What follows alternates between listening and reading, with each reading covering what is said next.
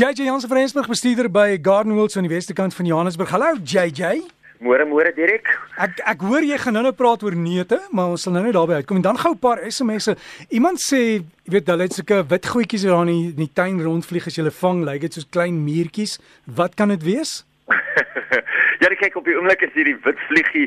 Dit is eintlik 'n uh, wit vleiende plant lysie as mense so kan stel. Uh woolly aphid is sy Engelse beskrywing. Dit is eintlik op die oomblik op baie van die bome en veral op jou wit stinkhoutbome.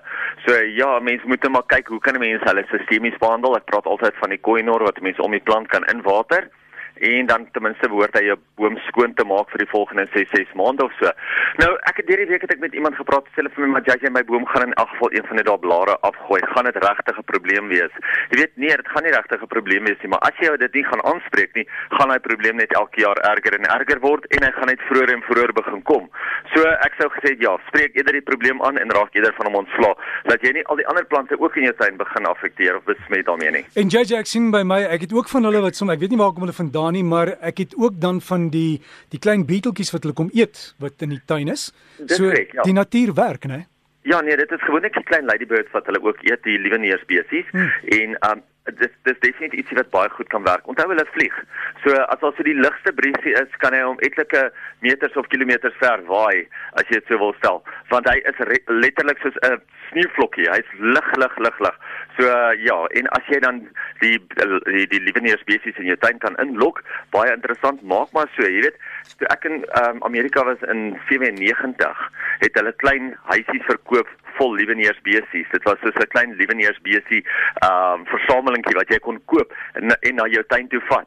En ek het nogal gewonder wanneer gaan dit in Suid-Afrika aanklank vind, maar dit het, het nog nooit. So ja, dalk is dit ietsie wat iemand erns kan doen. So JJ, wanneer begin ons met hierdie huisies? Ek soek van hulle. ja nee, ek dink ek en jy moet bietjie kyk daarna, nee, want dit is nie so moeilik nie. Nee, maar JJ, dan 'n ander vraag ook iemand het varkore wat hulle sê word te lank, dis asof hulle uit proporsie lank word. Is dit normaal? Dit is heeltemal normaal vir al die plante self uh, min lig kry um, of as die grond self vaslaan om die plante dan sal die plante uitermate lank word en dan word hulle eintlik baie pap. Hulle val baie maklik om. So kyk net bietjie of jy hulle nie in 'n bietjie meer lig kan plant waar hulle dalk 'n bietjie son kan kry nie want onthou varkoor hou eintlik van van van son en probeer om die grond lekker te bewerk. Jy weet um, ek die deel van die hele praatjie vandag is eintlik ook om jou grond te kondisioneer so werk lekker baie kompos in die grond in en kondisioneer jou grond so sodat jou plante se wortels baie makliker in die grond kan insprei kan ontwikkel. En JJ op jou lysie? Daar sê, ehm um, baie mense wil al klaar hulle wintersaailinge plant. Ek sê dit is nog te vroeg. Ek sê wag miskien nog so 'n maand of wat voordat jy jou saailinge plant. Dit is wel al amper tyd wat jy jou wintersaailing saad kan saai. So miskien binne die volgende week of twee gaan jy wel jou wintersaad kan saai. So wat jy nou kan doen is jy kan nou deurgaan en jy kan al jou somersaailinge se uh, saad begin oes dit wat uh, gereed is. Ek praat nou spesifiek van jou goed soos die Afrikanertjies wat baie maklik weer gesaai kan word. So as jy nou deurgaan deur jou bedding gaan en vir die volgende week, twee weke daai saad begin oes en um, dit bære vir die volgende seisoen, kan jy dan so jou beddings gereed kry om wel jou wintersaailinge te saai of jy wintersaad te saai altans en dan wintersaailinge miskien oor 'n maand of 6 weke te plant. Direk baie mense vra vir my, "Jy jy ons gaan op vakansie, maar ons wil ook weet watter tyd van die dag moet ons die besproeiingsel sou stel? Watter tyd van die dag moet ons nat maak?" Nou oor die algemeen as 'n reël sê ek altyd vroegoggend bly die beste. Gewoonlik in die somermaande doen die mense dit sê tussen 5 en 7 in die oggend as jy jou rekenaartjie so kan stel wat jy dit wat jy dit uh, wat, wat dit vir jou moontlik is om dit te doen, maar in die wintermaande doen jy dit meer tussen so 7 en 9.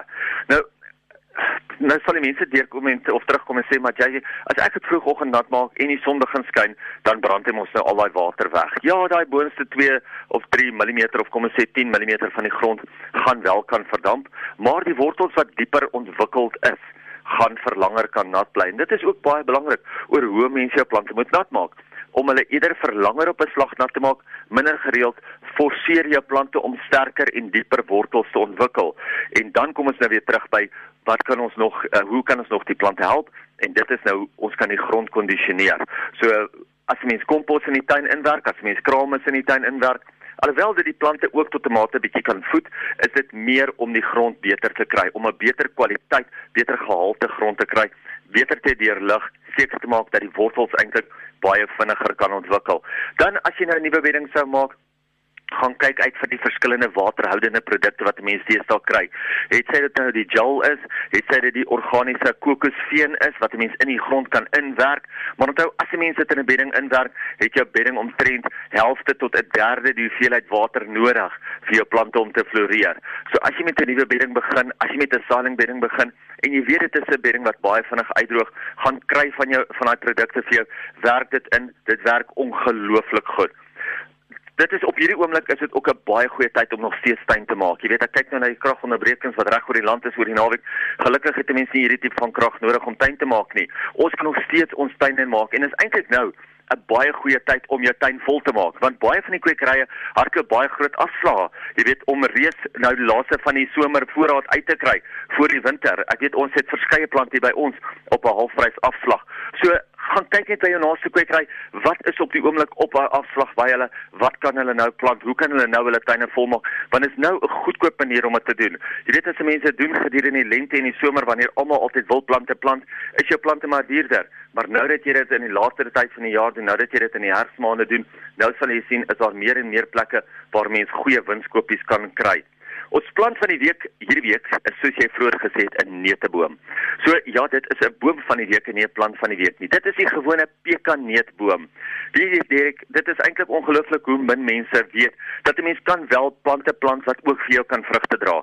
'n Pekaneetboom is baie vinnig groeiend. Hy binne hy begin binne die volgende binne die eerste tweede jaar van nadat jy hom geplant het, kan hy al vir jou vrugte dra. So binne 2 jaar nadat jy hom geplant het, kan hy vir jou vrugte gee. Hy groei nie baie hoog nie, omtrent sê 8 meter by 6 meter hoog. Nou sal mense sê, "Sjoe, 8 meter is baie hoog." Nee, vir 'n boom is dit nie groot nie. Vir 'n boom is dit eintlik klein. Dit is groot vir 'n struik. Maar 8 meter hoog by 6 meter wyd en natuurlik is hy bladwisselend. Hy's baie gehard. So hy maak 'n pragtige skadieboom vir jou tuin. Onthou, as jy wil vrugte hê, moet jy twee variëteite plant, twee verskillende variëteite maar dis regtig 'n wenresep as 'n mens kyk na wat mense in die tuin kan sit wat ook vir jou meer doelig is, nie net 'n boom nie, maar ook lekker vrugte dra. Gaan kyk uit vir die verskillende pekanet variëteite. As jy jy net het jou neutboom eh, video gekry, die video greep. Ek het hom klaar op die RSG webtuiste geplaas en hy's ook op die Breakfast Facebook bladsy. So mense kan gaan kyk hoe lyk die boom, hoe lyk jy en dan al die raad kry. Dankie. Dan sê jy's welkom. Jy gaan sien as jy nou pekanette koop, daar's baie interessante name, jy weet soos 'n Choctaw en 'n Barton, gaan klink asof jy in 'n ander taal praat. Is daar al 'n JJ neutboom? Ja, ek hoop so. Nog iemand van ek weet nie. Nee. ja, daar's geen uh, rede om dan nie neute in jou tuin te kry nie. So, as jy wil inligting hê, jy kan ook vir JJ e-pos as jy by gardenworld.co.za lekker tuin maak.